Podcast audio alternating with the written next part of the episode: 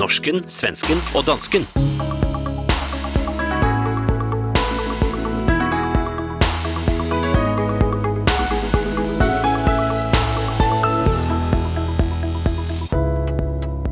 Norske stortingspolitikere er hakket av Russland. En dansk muldvarp har gått under cover i Nordkorea, mens svensk kjendisdebattør har blitt avslørt som homofob jødehater.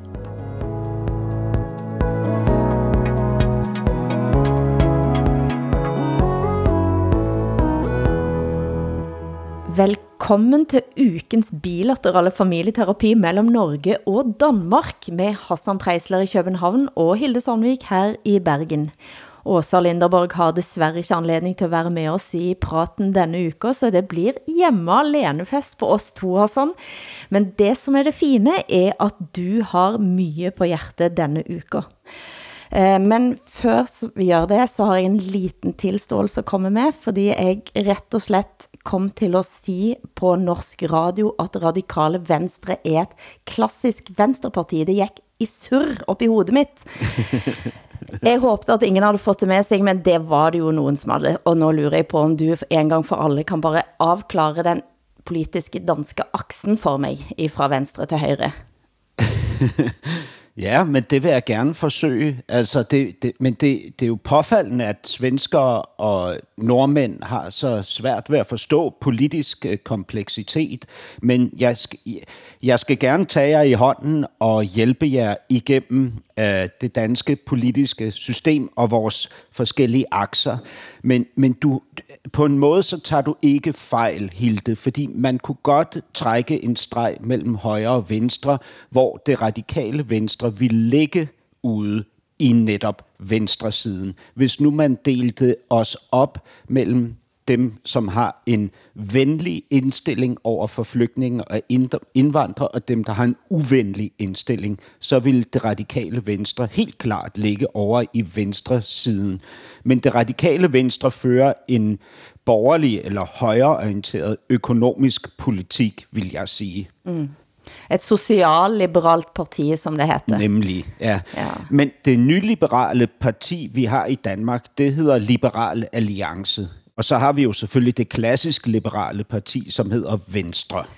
Og Venstre ligger mere til højre for, for Venstre, en radikale Venstre. Ja, ja, absolut. Ja. Altså, det hedder nok, hvis nu man laver en opsummering, så hedder det nok fra venstre mod højre, Enhedslisten, Socialistisk Folkeparti, Socialdemokratiet, Det Radikale Venstre, Det Konservativ Folkeparti, Alternativet, Frie Grønne, Venstre, Liberal Alliance, Dansk Folkeparti, Nye Borgerlige, og så helt ude på øh, højre, på den yderste højrefløj, der har vi så stram kurs, som jo ikke er i vores parlament øh, endnu i hvert fald. Men nu hopper du over Veganerpartiet, og var det, var det de, de grønne, hvad het, hvad het de nu alle sammen, de nye? Ja, men det er fordi, Hilde, i, øh, i løbet af den uge, der er gået, der har jeg flyttet øh, fra en lejlighed til en ny lejlighed. Så jeg har ikke registreret alle de nye partier, der er opstået i løbet af sidste uge.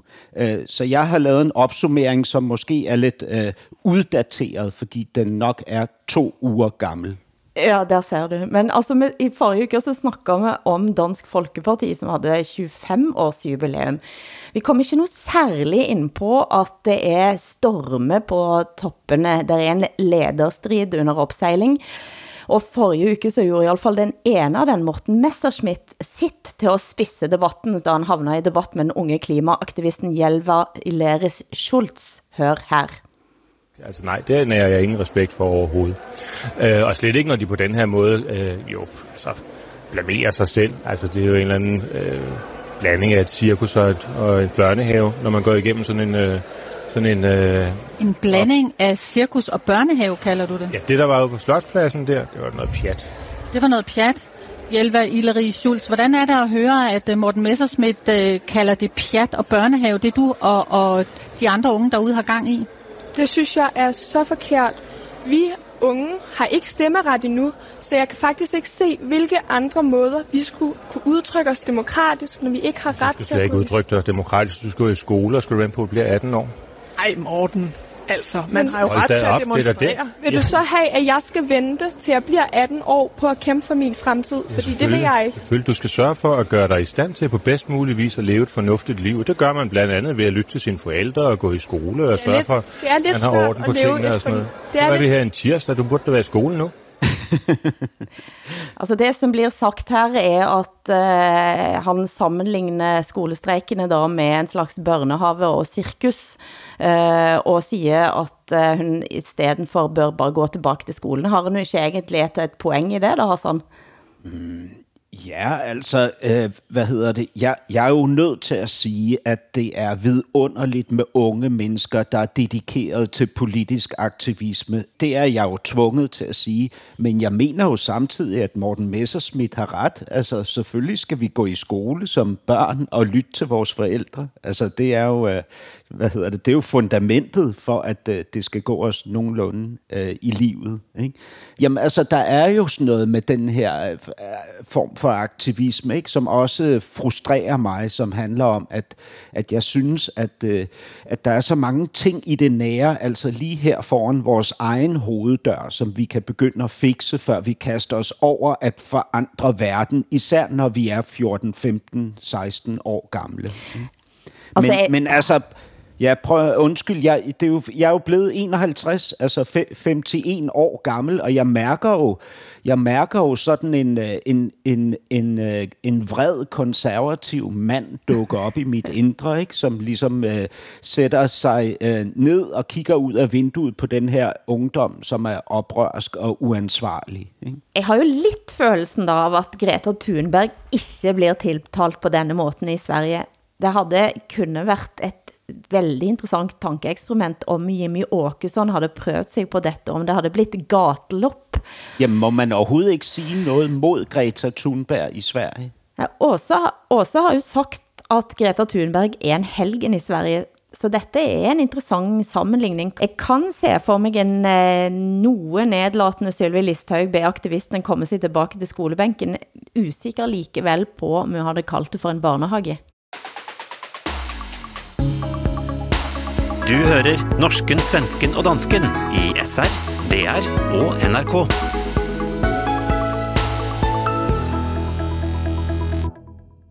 Men den store saken i Danmark, Hassan, er fremdeles MeToo. Men nå er det blitt personlig, for du er en av kildene i en stor avslørende sak i Berlingske forrige helg, hvor en kendt radioprofil blir anklaget for overgreb og chikane. Hør her fra DR Orientering mandag denne uken. Nu ser vi eh, en indad, vi skal tale om eh, DR, for adskillige eh, kvinder og mænd fortæller øh, til Berlingske, hvordan øh, P1-vært Mads Ågaard Danielsen har udsat dem for grov chikane, krænkelser og truende adfærd. Øh, han skubbede en ind på et toilet og stak fingrene op i hende. Han truede en anden med at lægge nøgenbilleder af hende, og han har truet flere med at bruge sin platform som øh, radiovært på P1 til at lave kritisk journalistik om dem, hvis han øh, ikke personligt brød sig om dem. Øh, sagen har betydet, at Mads Ågaard Danielsen, der har været på programmet Shitstorm og P1 Debat, er blevet sendt hjem, og at der nu er en øh, personalesag i gang med ham som hovedperson. En av de centrale kildene i saken er jo deg, Hassan. Fortell.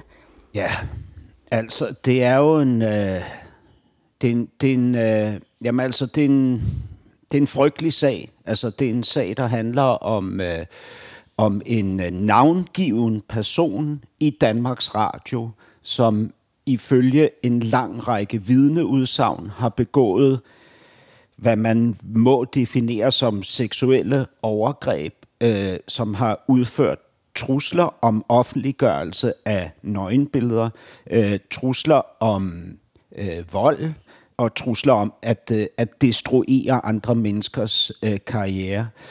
Og det bemærkelsesværdige, ah, der er jo, altså det, det er bare en brutal, brutal sag. Ikke? Berlingske har lavet sådan en, en mange siders, sider lang gennemgang af hans øh, krænkelser øh, og overgreb, ikke? Med, med 12 vidne udsagn, hvoraf 8 er navngivende vidner eller kilder.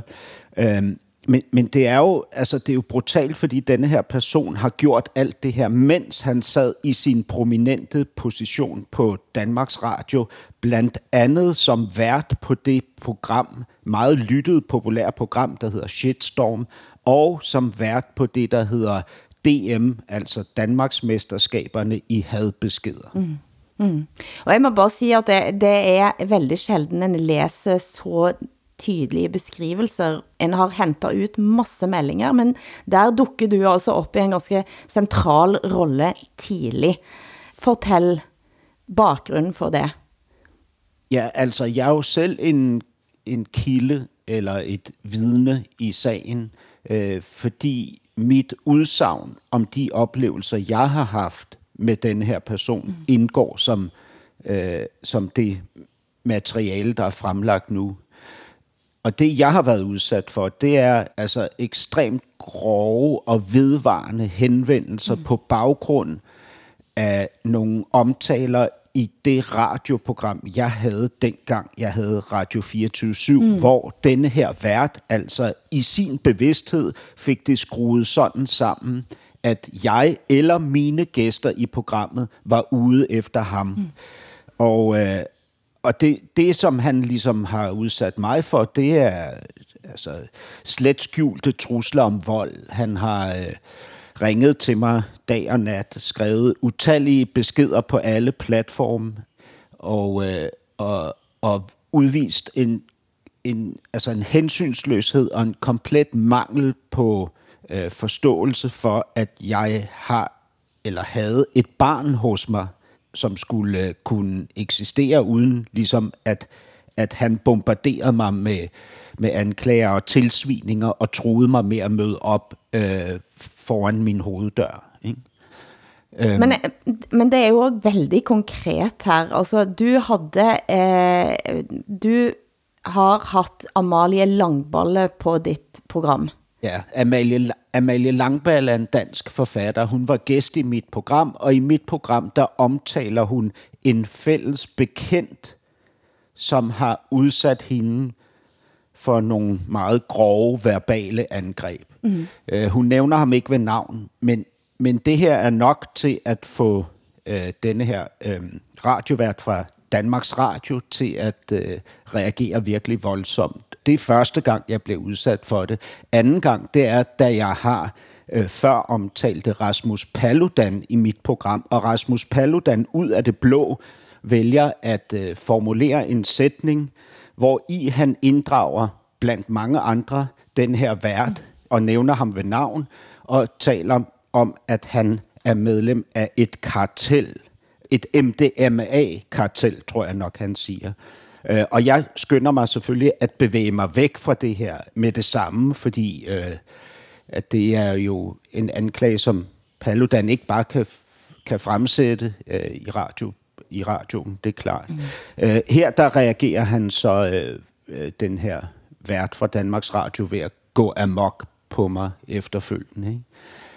Mm. Øhm, altså, jeg, jeg må sige for mit vedkommende, jeg, jeg, jeg jeg blev truet af den her vært mm. øh, med, at jeg... Øh, at, at han vil sørge for, at, øh, at jeg bliver fyret fra mit arbejde. Og først da han gør det, henvender jeg mig til mine chefer.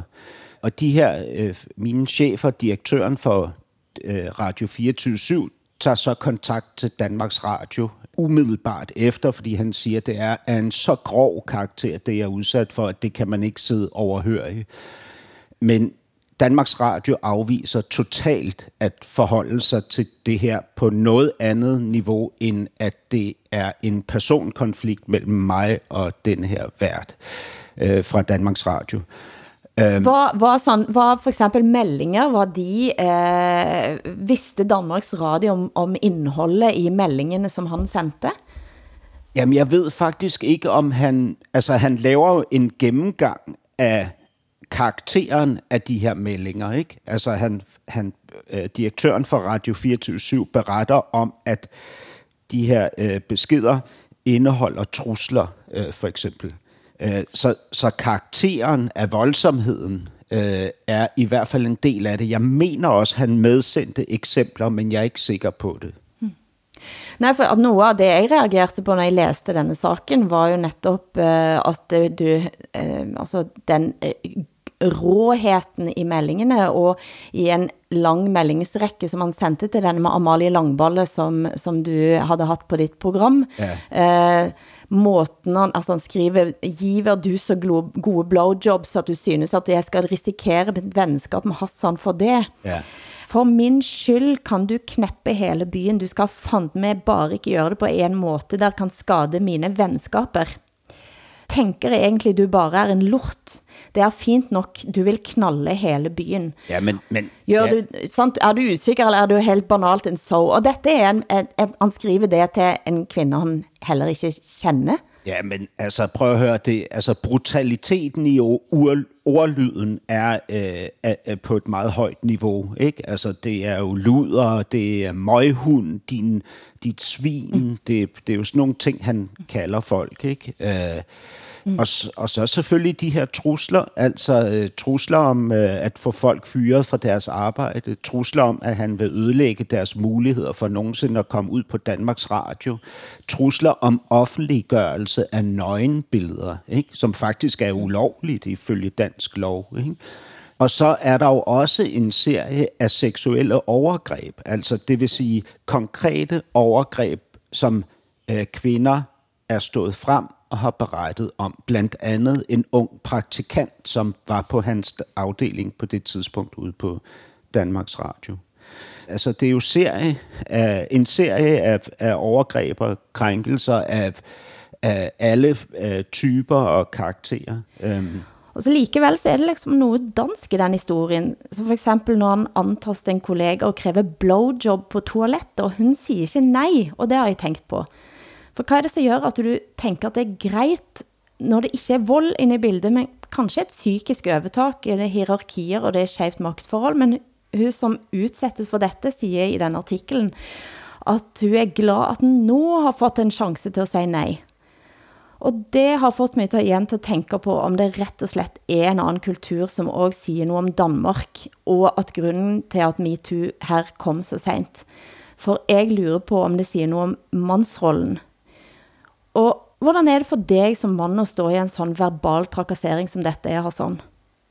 Altså, jeg, jeg, vil, jeg vil sige, altså, grunden til, det er jo det, det er svært, synes jeg, som mand, at, at stå frem i sådan en her sag. Ikke? Fordi det, det føles på en måde meget ydmygende, ikke at håndtere en konflikt med en anden mand øh, ude i en park med sine kåre eller sin svær eller en pistol. Ikke forstå mig ret. Altså, som mand skal du kunne klare det her selv. Ikke?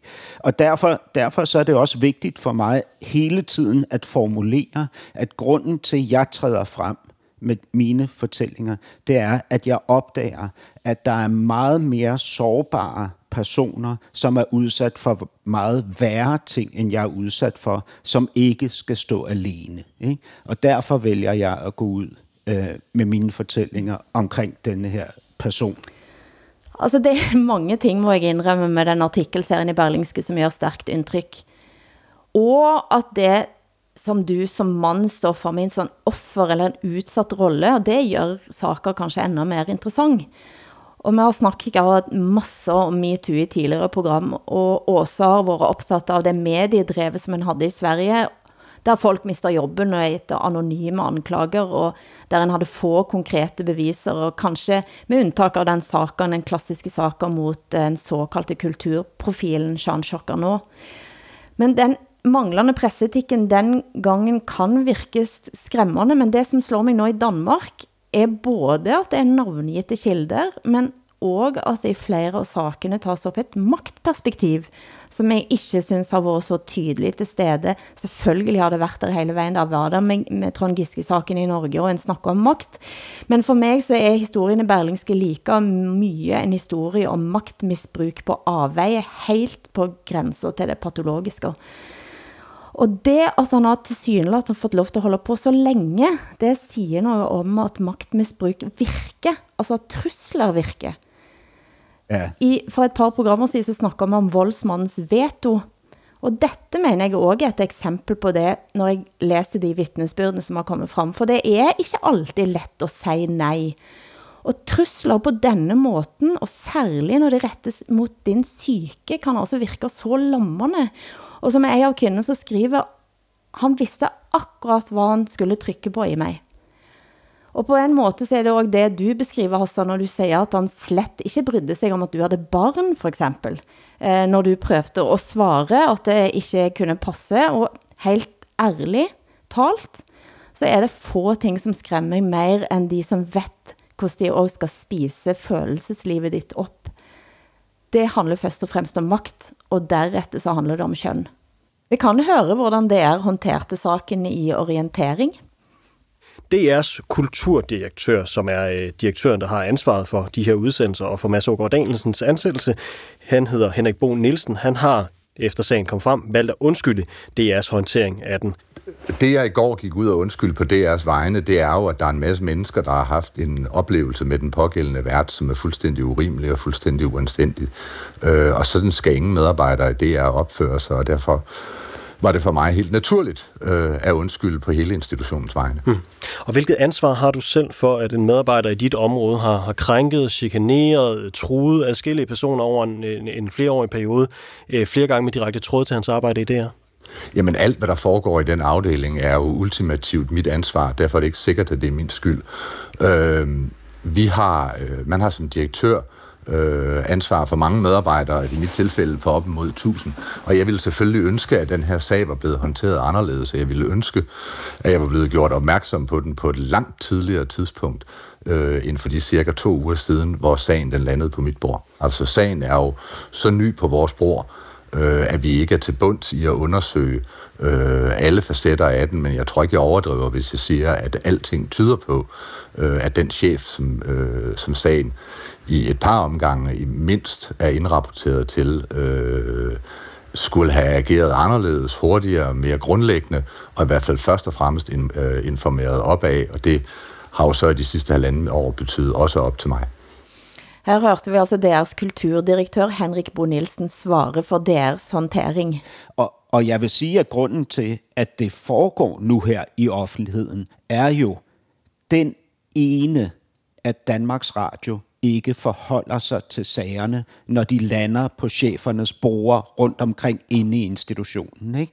Men, men du har jo... Du, altså, ja, ja, men jeg, jeg vil sige, fordi det, det helt centrale i det her øh, for mig, er ikke overgrebsmanden, men institutionen.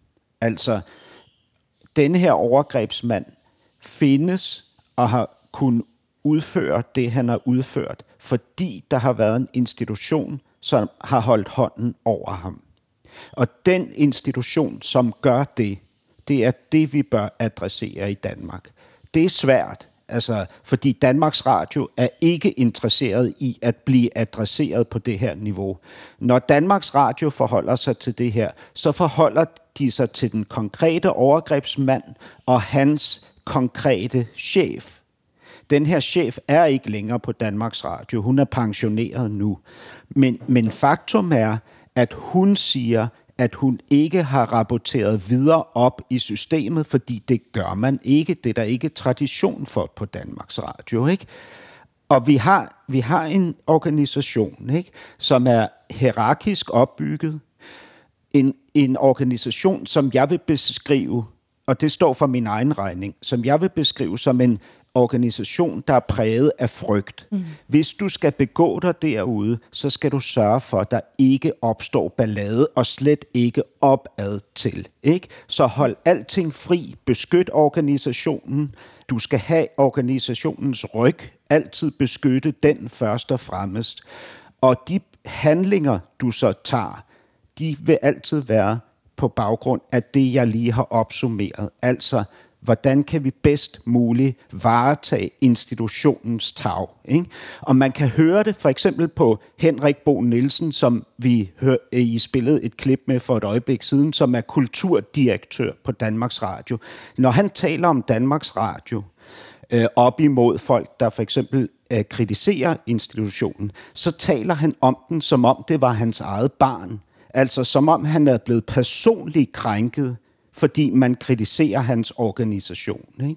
Og nu forstår jeg langt om længe, hvad det er, de her hundredvis af mellemledere og chefer og topchefer får de mange millioner kroner for, som de får af vores licensmidler. Ikke? Det er for at sidde at og nurse og varetage og beskytte og pansre organisationen mod kritik udefra. Men dette minder jo lidt om Mette Fredriksens uh, beskyttelse av Jeppe Kofod også. Ja, altså... Uh, Altså prøv at høre, det, det, det kommer jo til at regne ned over mig med lort, men jeg, jeg ser jo nogle af de samme strukturer i Socialdemokratiet, i hvert fald det nuværende Socialdemokrati, som jeg ser i Danmarks Radio. Ikke? Altså det er noget med en organisation og et parti, som har glemt, hvad det er, man eksisterer for. Altså man eksisterer for borgerne, og derfor må retfærdighed og rimelighed og ordentlighed og anstændighed være primært. Ikke? Det, man, det, altså det, der er opstået, det er jo et monster, hvis eksistens i sig selv er retfærdiggjort af dem, der sidder inde i monstret. Ikke? Og, og det, den eneste grund til, at man stikker hovedet frem, det er for at beskytte det her monster. Ikke? Og jeg, jeg må simpelthen sige, altså jeg er dybt fortvivlet og rasende over, at vi kan have en national organisation, som formidler vores allesammens narrativ om os selv til hinanden, ikke? som på den måde kan øh, pansre sig selv mod anklager udefra. Som jeg sagde før, så ligger man jo ude på Danmarks Radio nu og skubber sagen rundt på, på de forskellige chefers spor, altså hvilken chef var ansvarlig. Ikke? Og så taler man lidt fluffy eller sådan lidt svævende om, at der skal ske en, en kulturforandring. Vi har ikke været gode nok til at kommunikere, siger man så. Ikke? Og det, det bliver ligesom det, som man går ud med som fortælling fra Danmarks Radio. Ikke?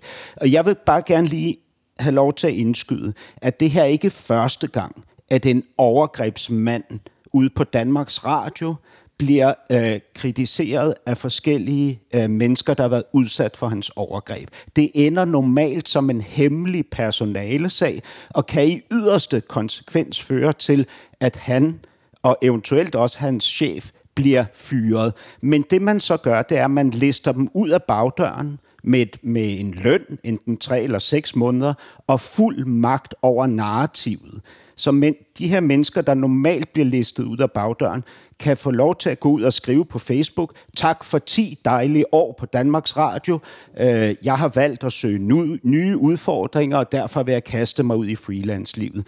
Og så dukker de kort tid efter op i nye magtpositioner i andre virksomheder. Der er vi adskillige eksempler på, blandt andet et tre år gammelt eksempel, hvor en medarbejder og hans kvindelige chef bliver fyret fra Danmarks Radio på grund af overgreb. På det tidspunkt i år 2017, der siger Danmarks Radio, at de er klar over, at der er noget helt galt, og derfor vil man nu på Danmarks Radio gennemgå procedurerne for at se, hvordan vi kan reagere mere hensigtsmæssigt. Derudover står vi over for at skulle lave en trivselsmåling lige om lidt, hvor spørgsmål om mobning og krænkende adfærd indgår. Punktum. Det er altså tre år gammelt, det her, ikke? Mm.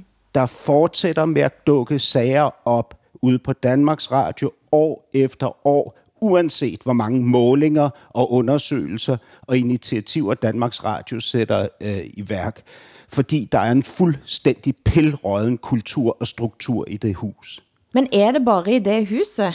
Altså er det noget særligt der? Fordi det jeg tænker er, at hvis man også som journalist jobber i et system, eh, som tillater den type adfærd, som denne programlederen har eh, kommet med nå, og bare når det bliver blotstilt, så tænker jeg at det siger, altså jeg, jeg, jeg nægter at tro, at det er bare noget, som sker op i hodene på akkurat de mennesker, som jobber i Danmarks Radio. Det må jo være noget mere end det. Altså, øh, Danmarks Radio er jo Danmarks ubetinget største mediehus, og derfor vil der jo også proportionelt være flere potentielle øh, overgrebsmænd, det er klart. Ikke? Men problemet er jo, at de i hverdagen får lov til at flyve frit. Ikke? Så der går ikke lang tid, hvis man indeholder det her i sig som mand eller som menneske, altså det her øh, potentielle, den her potentielle øh, tendens til at krænke andre mennesker, så går der ikke lang tid, før man opdager, at man kan faktisk få lov til at gå ret langt med det her. Ikke? Fordi, igen, denne her institution altid er mest interesseret i at beskytte sig selv, og det gør den bedst ved ikke at påkalde sig opmærksomhed omkring det negative. Ikke? Prøv at høre, det er så kafkask det her. Ikke? Altså, øh, det minder så meget om den roman, der hedder Slottet, hvor hele landsbyen nedenfor for foden af slottet kigger op imod den her borg. Ikke? Og alle ved, at man skal tilfredsstille borgen, altså slottet, men man aner ikke rigtigt, hvad det er, man skal. Altså, man fornemmer sig frem og tilbage og forhandler med sine naboer og forsøger sig frem og sådan noget, fordi ingen kender rigtig retningslinjerne. Man ved bare, at slottet er helligt. Ikke? Det er, hvad der foregår derude på den institution. Ikke? Som vi sidder på lige nu. Men... Og jeg tænker da også, det her, det, det bliver, øh, hvad hedder det, sømmet i, i min ligkiste i det hus, ikke? Fordi der er ingen, der er interesseret i, at jeg sidder her og råber højt om Danmarks Radio. Altså, ja. Så kan det være, at jeg skal komme til Sverige eller Norge efter det her. Du vil altid være velkommen, men altså, jeg, jeg, jeg stopper ikke med at uh, stille spørgsmål alligevel, om der er noget uh, i en... Uh, altså dansk kultur, eller en eller anden eh, selvforståelse, som gør også, at man har brugt lang tid på at slå ned på MeToo. Eh, og det var jeg blandt andet denne uken eh, på Norsk Radio og snakket med den danske professoren Søren Birkvad, som professor i filmvidenskap ved Høgskolen i Indlandet. Eh, og han blev også spurgt om, hvordan eh, MeToo har skabt en fundamental indre konflikt i den danske folkesjælen. Hør her. På den ene side, så har man dem, som vil være fri for chikane, og så er der på den anden side dem, som vil være fri for moralisme og, og bornerthed. Så, så du ved, for nogen i Danmark, så er, det, så er Danmark sådan eh, øh, 10 pladser under Sverige i ligeberettigelse, og det synes man er pinligt. Men for andre debattører i Danmark, så er øh, øh, danskerne er et folk, som for alt i verden må undgå at blive svenskere. Altså det vil sige, at vi må undgå øh, sådan et, ja, du ved, statsfeministisk helvede af, af politisk korrekthed og, og sexforskrækkelse. Så, så øh, og, og, og for at kunne forstå, hvor dybt dette her stikker i den danske folkesjæl og i den danske mentalitet, så skal man tilbage til 70-tallet. Fordi, fordi du ved, der 70-tallet, eller rettere helt præcis 1969, er jo arnestedet for en national myte i Danmark. Nemlig dette med, at vi fik 15 minutters verdensberømmelse, fordi vi som de første slap pornografien løs.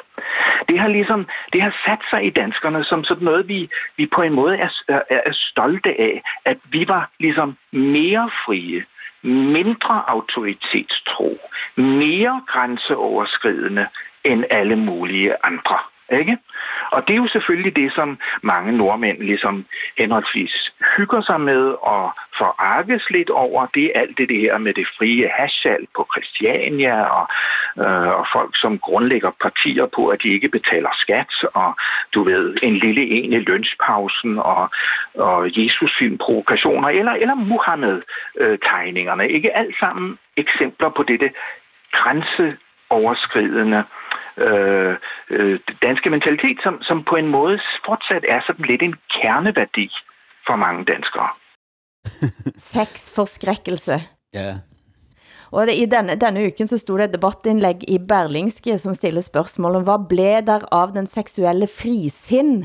Hvad blev der av lettsindighetens gave? Hvad blev der av henrivende lette forårslek mellem kjønnene? Og her var det mange citater, tror jeg, til både Brandes og andre kulturradikalere. Men, men, men netop dette frisinnet, da, som til og med er en eh, dansk værdi i Danmarks kanon, jeg tænker, jeg kommer ikke unna at tænke, at det ligger noget der også. Altså, at en af grunden til, at man har kunnet sprænge grænsene i mange retninger, er, at man for all del ikke vil bli beskyldt for at ikke ha et fritt sind, ikke ha frisind. Ja, altså, men det, det er jo også øh, rigtigt, og jeg synes, øh, at skildringen af det danske dilemma er ret præcis. Altså, det er ikke kun et kollektivt dilemma, det er nok et øh, dilemma, vi alle sammen går rundt i som individer i Danmark, især i denne her tid. Altså splittelsen mellem øh, på den ene side øh, frisindet, og på den anden side ordentligheden. Ikke?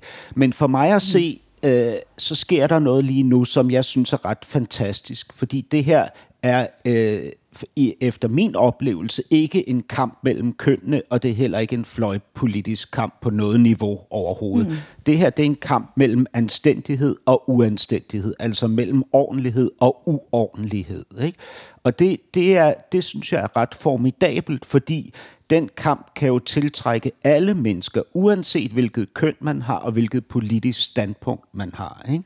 MeToo og, og i den dansk, sammenhæng ja. der, hmm. MeToo på dansk fremstår mindre kønsfixeret og polariserende end i mange andre land. Det har både forsinket bevægelsen og kan bringe den længere, skrev Eva Grinde, kommentator i Dagens Næringsliv denne uken.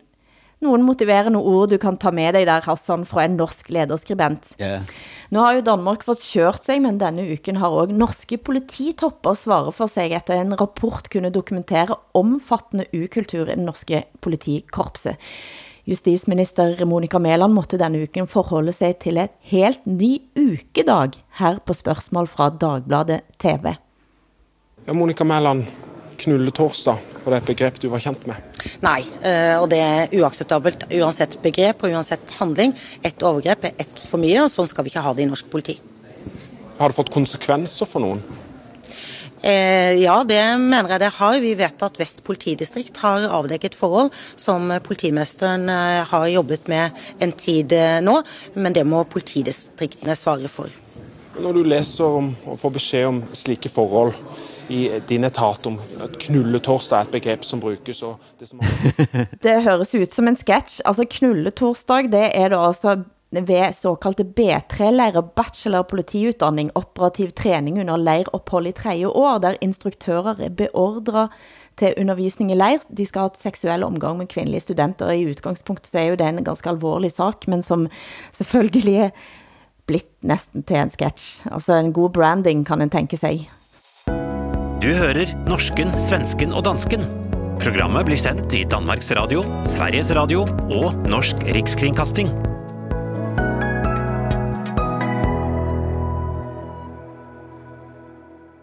Det har næsten været regeringskrise i Sverige den sidste uken, men nu ser den ut til at have blivet afværget. Men vi må næsten tise den store svenske snakkisen denne uken, som har været noget helt andet.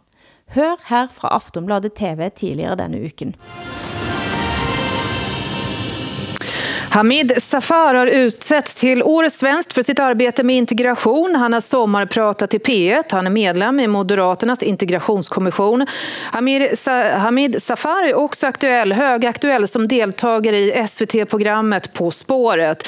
Men nu framkommer det att han under flera års tid har, har under pseudonym hånat judar och homosexuella på nätet. Det avslöjar Dagens Nyheter. Han har alltså under pseudonym bland annat fördömt hbtq-träsket och sodomi som han nu anser och menar genomsyrar den svenska kyrkan numera. Det skrev han då. Författaren och tv-profilen Frida Boysen, som också är den som tävlar tillsammans med Hamid på, då, på spåret, finns med oss eh, för en liten stund sedan var med oss. Frida berättar här hur hon reagerade på nyheten med eh, chock, bestörtning, eh, tårar. Eh, jag har eh, gråtit den här morgonen och varit så fruktansvärt besviken, ledsen, utom mig. Jag fattar ingenting. Hamid Safar fik stor opmærksomhed for at have snudd utvecklingen på Sjumilskolen i Biskopsgården i Göteborg. Etterpå så har han eh, fått prisen for årets svenske i magasinet Fokus, og han har sommerpratet på P1. Nå er han kendt som rektor Hamid på Twitter. Han er barn- og udviklingschef i Mullsjø og ekspert i Moderaternes integrationskommission. Det var han i alle fall. For til slut her hørte vi Frida Boysen, som er på lag med rektor Hamid i den store svenske underholdningsspørreprogrammet På spåret. Hun står nå uden lagkammerat. Og han er kastet ut av både programmet og fra Moderaterna, men det kommer vi grundigt tilbage til næste uke, når vi har svensken tilbage. For vi har et andet tv-underholdning at snakke om, Hassan. Ja, Nordmænd, svensker og dansker gnir sig i øjnene efter at vi i dokumentaren Muldvarpen på DR, SR og NRK har kunnet følge en dansk uføretrygder kokk som har gått undercover i Nordkorea. Hør her fra første episode. En komplet ukendt mand, der lever et stilfærdigt og anonymt liv i en forstad til København. Hvis dette var fiktion, ville ingen tro på, at den selvsamme mand mødes med nordkoreanske våbenhandlere et sted i Afrika. You can walk in here, no problem. Og heller ikke, at han besøger den nordkoreanske ambassade i Sverige for at hente hemmelige dokumenter. If something happened, our embassy does know nothing about it. Exactly. Men dette er ikke fiktion. Dette er virkelighed, og det har stået på i mere end 10 år. Her er han som barn i sted i Danmark. Han fejrer sin 14-års fødselsdag. Blandt gæsterne er en gruppe børn fra det østtyske kommunistiske diktatur DDR.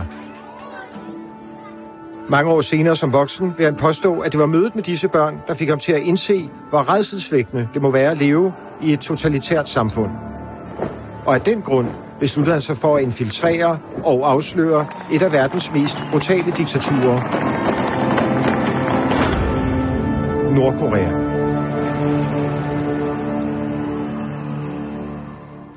Dette er jo en vild historie, Hassan. Du var på premieren. Hvis det var, er muligt, kan du kort opsummere for norsk, svenske og danske lyttere, som ikke har sett dokumentaren? Ja, altså den er blevet vist i biograferne og på fjernsyn, øh, og også på BBC, øh, simultalt med, med dansk tv i hvert fald. Øh, og det er, altså, det er jo en film, der ligesom illustrerer en mand, der ikke rigtig har nogen karriere. Han lever et stille liv med sin kone og sine børn, og vælger så at henvende sig til Mads Brygger, som er filmens øh, instru- instruktør, fordi han tidligere har øh, observeret, at Mads Brygger øh, har været i Nordkorea og lavet produktioner, der adresserede styrets brutalitet. Og han tilbyder sig så at være mulvarp, altså mål for Mads Brygger, og indtræde som øh, dansk repræsentant i den nordkoreanske venskabsforening, øh, altså først her i, i landet og siden i Europa. Øh, og, og det han så efter gør, efterfølgende gør, det er at, øh, at blive øh, udsendt og indgå øh, våbenhandler med det koreanske styre. Hvem er Mats Brygger? Mads Brygger er øh, min tidligere chef på Radio 24 Han var øh, programchef over i den afdeling, hvor jeg var. Og så er han øh, dokumentarist og har lavet nogle øh, helt fantastiske film, øh, blandt andet om, om, øh, om mordet på Dag Hammarskjöld. Øh, og, og, og, og nu altså øh, sin anden film om Korea, Nordkorea. Men Hassan, du har flere gange slået knallhardt fast, at du hater true crime. Hvad har skett nu? Ja, altså, jeg, jeg synes, det var en afsindig spændende film, men det er fordi, jeg er meget, øh, hvad kan man sige, allierer mig med hovedpersonen og hans øh, ønske om at være noget i det her liv. Ikke? Altså at gå fra øh, at øh, at spille en rolle, som er marginal, til at øh, spille en rolle, som er øh, maksimal. Ikke? Det er jo en, en fuldstændig fantastisk øh, proces, han gennemlever, som jeg virkelig følger på det emotionelle plan. Netop. Ja. Men altså, dok dokumentaren har utover at det er vilde historier og vilde karakterer, så har han sat dagsorden i hele Skandinavia. Og utenriksminister Jeppe Kofod og Ann Linde i Sverige og Danmark gav en fælles uttalelse. Her er Ann Linde på Ekot. Det är ju chockerande uppgifter som framkommer. Och det är därför som jag och min danska utrikesminister har reagerat så starkt som vi har gjort. Vi kommer att informera FNs sanktionskommitté om detta som har kommit fram och vi kommer också ta upp frågan i EU. Men ser du framför dig då ytterligare sanktioner mot Nordkorea med anledning av det här? Eh, vi får titta på vad det är för någonting som... Eh, vi har ju redan sanktioner från EU, vi har sanktioner från, från FN. Utan nu tar vi först upp det med FNs sanktionskommitté och sen tar upp det i EU. Och sen får vi se vad nästa steg blir. Det må vel være en seier for dokusjangeren dette. Scandinavian Star Estonia har vi tatt op muldvarpen i denne uken. Eh, siger lidt om eh, journalistikkens kraft, eller siger det noen ting om at vi er blitt helt hekter på true crime eh, dette? Nej, Nej, fordi det er ikke true crime, det her. Det, det, er, det er meget bedre end true crime. Det er et stort, øh, hvad hedder det, følelsesmæssigt drama, der udspiller sig, ikke? Mellem meget ulige karaktertyper, som så mødes og inspirerer hinanden til at gøre det bedste, de kan i livet, ikke? Og det er det, der er så fantastisk ved den her film. Det er ikke det, der bliver afdækket. Og det, men det er rigtigt, altså FN's ekspertpanel har jo nu indkaldt denne her kok til at vidne foran sig, ikke? Sammen med instruktøren. Så de kommer til at rejse til New York, ved at tro med alt deres materiale. Men, men, men Hassan, det er jo en true crime. Jamen, altså, jeg, du kommer ikke under det. Jeg, jeg ser det slet ikke som true crime. Um, jeg, jeg, jeg tænkte nok, at du og Åsa ville uh, mobbe mig med, at jeg nu uh, omfavner true crime, men, men det er ikke true crime. Det er et stort personligt drama, det her. Um. Ah, det er true crime. okay, okay. Jamen, det skulle åbenbart være denne her film, der skulle til for, at jeg kunne begynde at elske true crime. For hvad skal vi velge dikt og fanteri, når man har virkelighed? Hør her klip fra Aftenposten forklart. Det er mandag morgen 24. august. Sommerferien den er på hell, og flere av landets viktigste politikere finner veien tilbake til Stortinget midt i Oslo. Kanskje tar de en prat om eh, sommerens begivenheter og været rundt kaffemaskinen, før de samler nok arbeidslyst til å starte PC-en. I innboksen så ligger det en uåpnet e-post. Ansatte og stortingsrepresentanter fikk en, en skreddersydd e-post eh, hvor eh, de da ble lokket til å trykke på et vedlegg. Dermed så ble de hacket, og de fikk installert eh, ondsint programvare på PC-en som gjorde det mulig for tilgang til eh, personopplysninger, eh, passord, eh, banknumre og, og e-postene. Norge føler sig nå sikre på, at det er Kreml, som står bak og har kalt inn russiske ambassadøren på teppe for å gi en formell advarsel, men de stiller sig helt uforstående. Vi blir rasende og forbandet når russisk hacking opdager, men kan ikke huske at nogen amerikanske ambassadører blev kaldt ind på teppe i nogen av våre tre land, da Edward Snowden afslørte at USA drev med udstrakt overvåking av oss alle, Hassan. Jo, men det hænger også sammen med, at vi føler, at amerikanerne beskytter os. Ikke? Du føler de beskytter dig. Snak for dig selv, Hassan, og jeg tror ikke tænke på, hvad marxisten Åsa ville have sagt. Men, men må, må, må jeg, øh, er, er vi stadig i det her emne med hackerne, eller må jeg, må jeg komme med en undskyldning? Du kan komme med en undskyldning når som helst, du. Jeg, jeg, vil, gerne, jeg vil gerne sige undskyld uh, til dig, Hilde, men også til lytterne for mit rant. Altså, uh, prøv at høre, jeg, jeg, jeg, jeg står personligt midt i en, en øh, opløsningstid, ikke? fordi jeg er ved at flytte, op, og mit hjem er oppe i luften. Og så står jeg jo også involveret i den her sag øh, på, på et, et, et plan, som, som på, på hvad kan man sige, det følelsesmæssige område er meget højt, ikke? Øh, og det er derfor, jeg, jeg taler og taler og ikke lytter. Øh, og det, og det, det er jo simpelthen, det, det tror jeg er noget, jeg eller måske mænd eller mennesker gør, når vi er, er desorienteret, ikke? Hmm. Og vi kommer desuden aldrig til at være færdig med det, det, det viser det sig. Men hvis, jeg kan, hvis, hvis jeg kan gå tilbage til skriptet, og tak, eh, tak Hassan. Undskyld, undskyld. Du får trøste dig med, at det kunne kanskje været værre. Du kunne for eksempel ha sittet i den danske Folketingets utenrikskomité. For det er ikke bare Norge som har blitt hacket under et 25 minutter langt eh, videomøte med den dans det den danske utenrikskomiteen trodde var en hviterussisk oppositionspolitiker, Svetlana Tikhanovskaya, så kom hun pludselig med kraftige indvendinger mot det hun mente var utstrakt problem, nemlig misbruk av skildpadder på danske dyrebordeller. Hør her klippet som nå går sin seiersgang på YouTube. Dear members of the Foreign Policy Committee, good afternoon. Uh, I learned I learned that uh, in your beautiful country there is a noble uh, network of uh, brothels for zoophiles, where people come, including and rape turtles there. So I want to officially ask you to stop this. It is disgusting. I just want to say that thank you for mentioning this. Uh, I agree with you that it would be disgusting and terrible if it was true, but I have never heard about this uh, only through the EU Strat task force, where they have mentioned that Russia has making this misinformation about Denmark. We would never allow uh, things like this happening in our countries, and if a politician or delegate should ever join such a thing, it would be the end of his or her political career.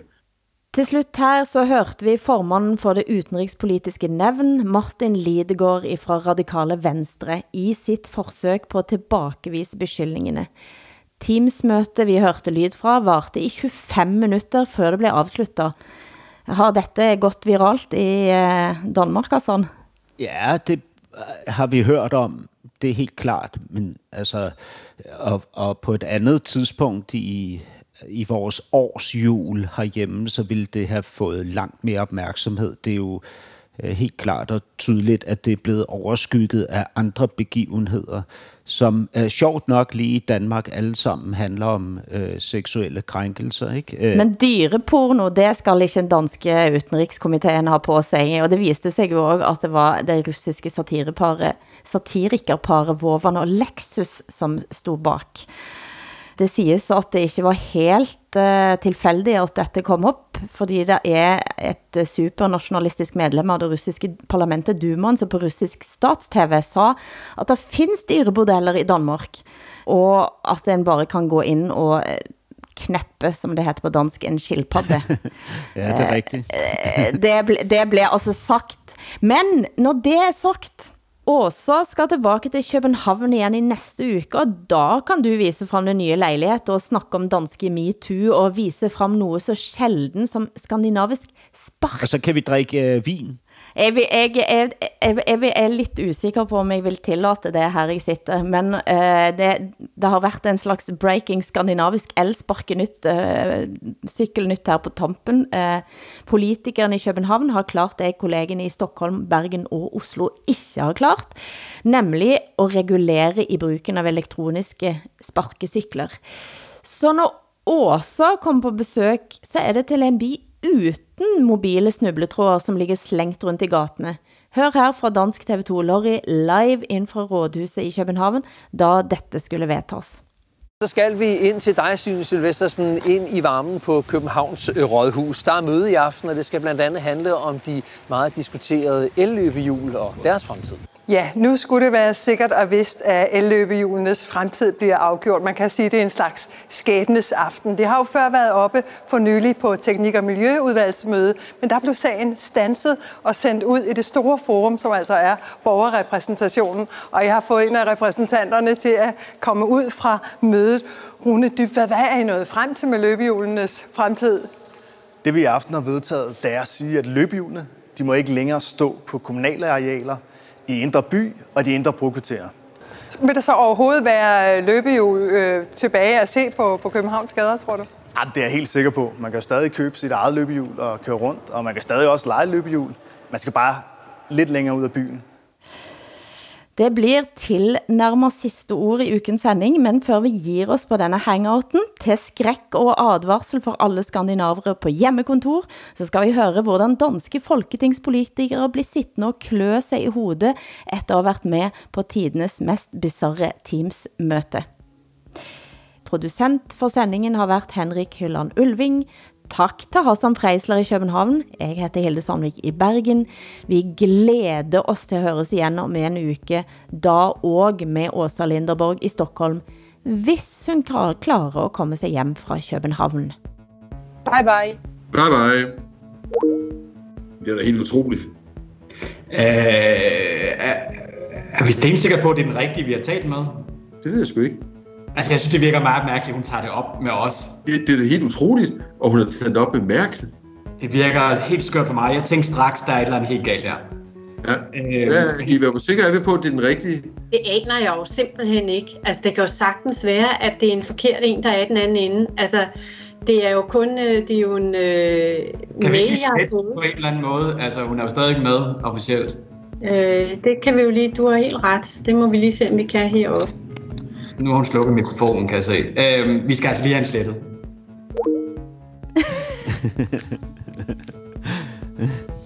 Det er godt. Tak for i dag.